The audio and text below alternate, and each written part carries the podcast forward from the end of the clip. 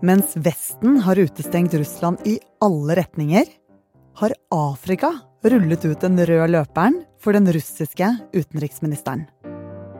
Og budskapet fra Sergej Lavrov til Afrika var tydelig.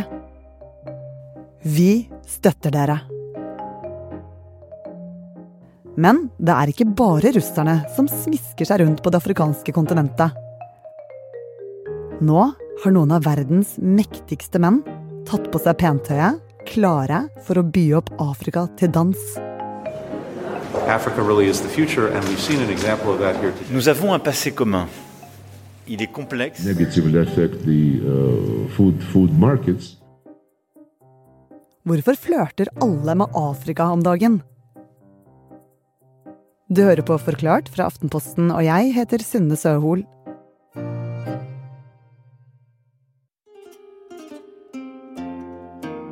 Russlands utenriksminister er i Afrika først og fremst for å si én ting. Dere trenger ikke USA eller Vesten. Dere kan velge deres egen vei, og Russland vil støtte dere. Helene Skjeggestad, du er journalist eh, og tidligere Russland-korrespondent for Aftenposten. Hva er det den russiske utenriksministeren vil oppnå med denne turen? Ja, altså Russlands utenriksminister valgte jo å prioritere å reise til fire land i Afrika, samtidig som en krig raser for fullt mellom da Russland og Ukraina. Så det sier noe om at dette er et viktig område for den gamle supermakten, da. Og egentlig er det to grunner til at han reiser. Han har konkrete avtaler med ulike land, og så ønsker han å kjempe til seg global innflytelse, særlig som han da kan bruke i krigen i Ukraina. Og hva slags forhold har egentlig Russland til Afrika fra før? Ja, altså Russlands forhold til land i Afrika kan egentlig oppsummeres med at de har fått eh, veldig mye med veldig lite. Eh, først og fremst så har de hatt suksess med å selge våpen og sende ned sånne såkalte militære eksperter til ulike land i Afrika. Eh, nå lukter de òg på en del av Afrikas mange ressurser, og de er nok interessert i mer samarbeid om handel og industri, men det er liksom først og fremst sikkerhet og det militære de har fokusert på. Kampen om Afrika har faktisk pågått lenge. Helt siden koloniseringen har man kjempet om landområdene. Kolonimaktene tegnet opp landene med linjal og delte det opp som et kakestykke. Også under den kalde krigen var Afrika et ettertraktet kontinent. Og siden 2005 har Russland bidratt med våpen og militært utstyr, og Kina har brukt milliarder på å investere i og handle med afrikanske land. De har jo omtrent bygd opp Afrika de siste 20 årene. Og USA og EU? Jo, de har bidratt med humanitær hjelp, som å bygge skoler og sykehus. Men de siste ukene har altså flere kastet seg inn i kampen om Afrikas hjerte. For først reiste den franske presidenten Emmanuel Macron. Og deretter var det Lavrov. Uh, rather due to the uh, absolutely inadequate reaction of the West. Og så kom USAs utenriksminister Anthony Blinken. By the extraordinary work that young people doing. De er jo vanvittig store, og det er mye ressurser der. Mineraler, energi, olje. Altså, det er et enormt uh, potensial. Uh, og det er ganske sånn utappa potensial. Det er masse ubrukte ressurser som man kan få tak i. For her er det mye å hente. Afrikas store naturrikdommer byr blant annet på kobber, olje, gull og diamanter. I, I, tillegg til kampen om disse ressursene, så pågår det òg en kamp om å få mest mulig venner. Eh, for har man venner der, så har ikke motstanderne venner der. Og det er litt sånn upløyd mark. Så det vi ser nå, er òg en kamp for å skaffe seg støttespillere. Ok, ja, Så det er et kappløp om å få Afrika på sin side. Men hvorfor skjer dette akkurat nå, da? Ja, det har jo altså pågått en stund, da, men krigen i Ukraina har satt utviklingen på speed. For eh, mens skuddene faller i Ukraina, så er kampen mellom Russland og Vesten den er blitt eh, global. Og dette ble veldig tydelig da de afrikanske landene skulle stemme i FN. We shall now begin the voting process. For etter at stillheten hadde senket seg over forsamlingen i FN denne dagen, ble det ganske åpenbart hvem som var på lag med hvem.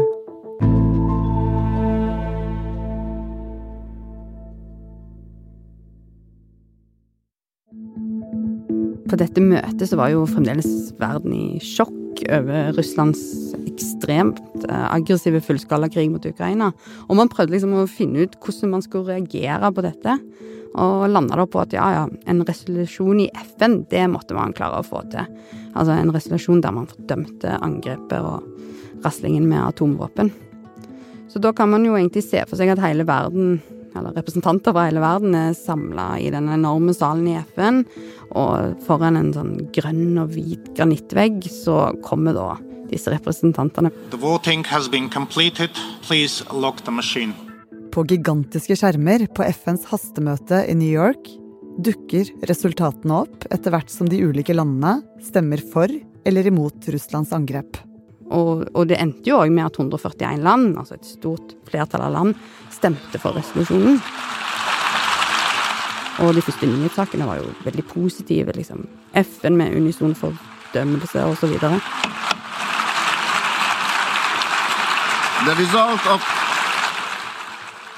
Men eh, så begynte man å se bak tallene.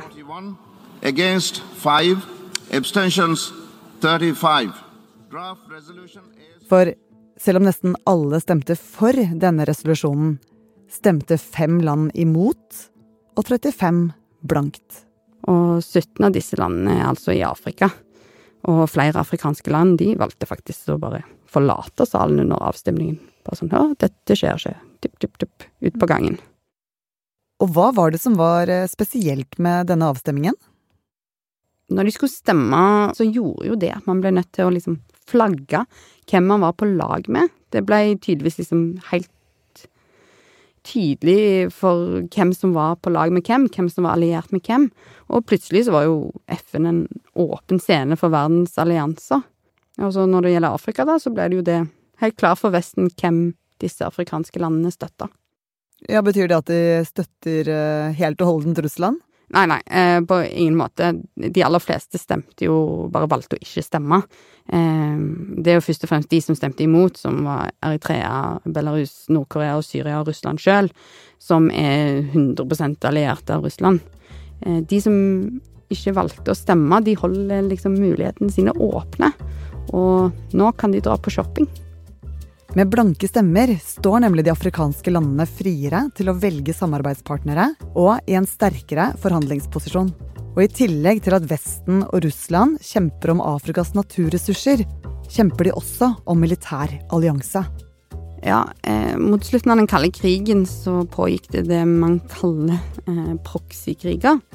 Som er en stedfortrederkrig, som betyr at noen andre kjemper i ditt navn, da. At egentlig så møtes f.eks. USA og Russland på slagmarken, men det er gjennom noen andre land eller noen andre grupper. Eh, og i Afrika så var jo det USA og Sovjetunionen. På, bakken i Afrika så ser man frykt for at dette nå skal gjenta seg. Og da gjelder det å skaffe seg militære allianser på bakken. Og når Russland da særlig har etterlatt et militært fotavtrykk på kontinentet, så stiller de ganske sterkt, da. Hvis det da skulle komme til liksom væpna konflikt mellom noen afrikanske land, eller noen grupperinger innenfor noen land. Men dette er jo liksom litt i fremtiden, da. Men eh, at man, ja, egentlig etter Ukraina-krigen, så ser man jo plutselig at det går an å prate med våpen. Og det er man òg redd for i, i Afrika, da. Så frykt for krig, gull og diamanter og Afrikas blanke stemmer er hovedgrunnene til det som nå skjer. I tillegg har krigen i Ukraina speedet opp denne alliansebyggingen. Og litt forsinket kastet også USA seg inn i dansen. Den amerikanske utenriksministeren Anthony Blinken han eh, besøkte i begynnelsen av august tre afrikanske land. Eh, samtidig så lanserte Biden-administrasjonen en ny Afrikastrategi. Og der er det nye hovedåret åpenhet, eller openness. Eh, og det er jo et ord som egentlig kan bety mange ting. Eh, åpenhet i form av markedsliberalisme og i økonomien. Og på, hos individet så kan det jo bety demokrati og menneskerettigheter. Men på statlig nivå så betyr det at USA ikke skal blande seg inn i de ulike afrikanske lands prioriteringer og veivalg, da. Så det er på en måte en strategi som legger seg opp til hvordan Russland og Kina har tenkt i Afrika.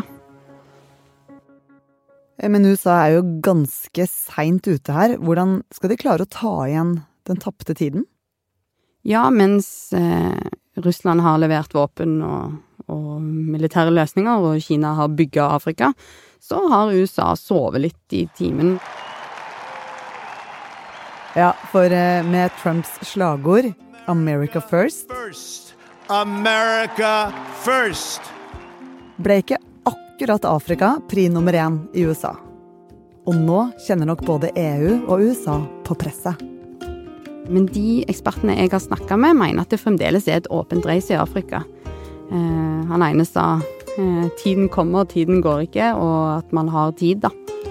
Eh, for nå er det jo bare fire-fem land de som stemmer klart i favør av USA, og så er det jo kun ett land, som Eritrea, som har klart valgt side med Russland. Så nå er det egentlig et uh, åpent spill. Mm. Og hvordan eh, svarer Afrika på, eller afrikanske landene på denne interessen? Hva er det de ønsker? Ja, Det varierer jo fra land til land, og Afrika er ikke en samla enhet akkurat. Eh, noen ønsker seg kanskje atomkraftverk, noen ønsker seg kanskje militærhjelp, mens noen bare vil ha skoler og sykehus og ja, generell bistand. Men det er jo noe som går igjen. Um, og lederne i de afrikanske landene, de ønsker jo i første omgang det som er best for seg sjøl og for landet og befolkningen de har ansvar for. Og da lurer de jo på hvem er det som kan tilby oss mest. Eh, og så er det jo kanskje òg noen som tenker at det har jo vært litt sånn slitsomt med USA og Vesten som alltid stiller krav til den hjelpen de kommer med, da. Altså de at de ikke vil ha brudd på menneskerettigheter og sånne ting som tar veldig mye tid før de bygger en skole. Så det som har skjedd nå, er at eh, en del afrikanske land har fått en ganske sånn unik forhandlingsposisjon, da. De kan velge å se hvem som tilbyr det beste for dem. Og Helene, de afrikanske landene velger nå eh, Russland og Kina på den ene siden, og EU og USA på den andre. Hvordan kan de ulike alliansene påvirke verden? Ja, dette er jo et spørsmål som gjør at man kan dra fram de virkelig lange linjene. Eh, men dette handler jo egentlig om hvordan verden vi lever i i dag skal se ut. For nå snakker vi om at vi, vi bor i en multipolar verden, altså der det er flere supermakter. Eh, før så var det mer sånn at USA styrte. Da snakker vi om unipolar verden. Men nå er det altså flere verdenssyn som står imot hverandre. Og vil vi at den verden skal være basert på liberale verdier og folkeretten og sånne ting som er nedfelt i, i FN? Eller ønsker man en verden der stater liksom snakker med hverandre kun på grunn av egen interesse? Altså, hva kan du gi meg, og hva kan jeg gi deg? Uten at man stiller så mange krav om, om uh, menneskerettigheter i tillegg. Så, så, egentlig så handler dette om om vi skal ha en mening om hvilke verdier og idealer vår verden er bygga på, da. Så sånn sett blir det en viktig kamp som utspiller seg for egentlig eh, hele verden? Ja, kanskje den største.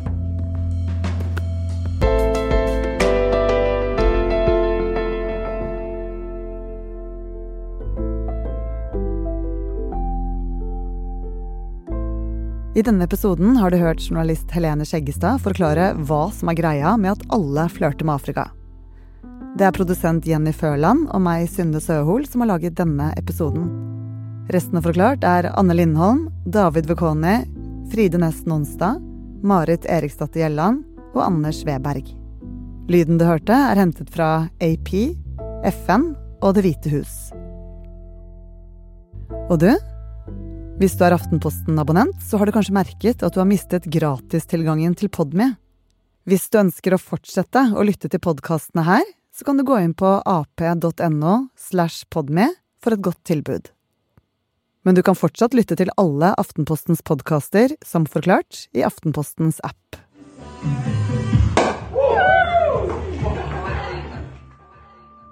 Det året Ida er 23 år, merker hun at noe er annerledes. Ida er på besøk hos meg. Dette er i juletid. kommer ut fra doen og sier at åh, jeg slutter ikke å, å blø. Nå har jeg blødd i, blødd i så mange uker. Og da sier jeg at det Har du sjekka det? Hadde hun bare vært to år eldre, hadde hun blitt anbefalt å teste seg av helsemyndighetene. Det var ikke akkurat det livet her jeg hadde sett for meg. Men nå er det nå det jeg har. Og det skal jeg faen meg leve, altså. Hør episoden For ung for kreft, en historie om kampen for bedre kvinnehelse. Podkasten Fortalt finner du hos Podme eller på ap.no fortalt.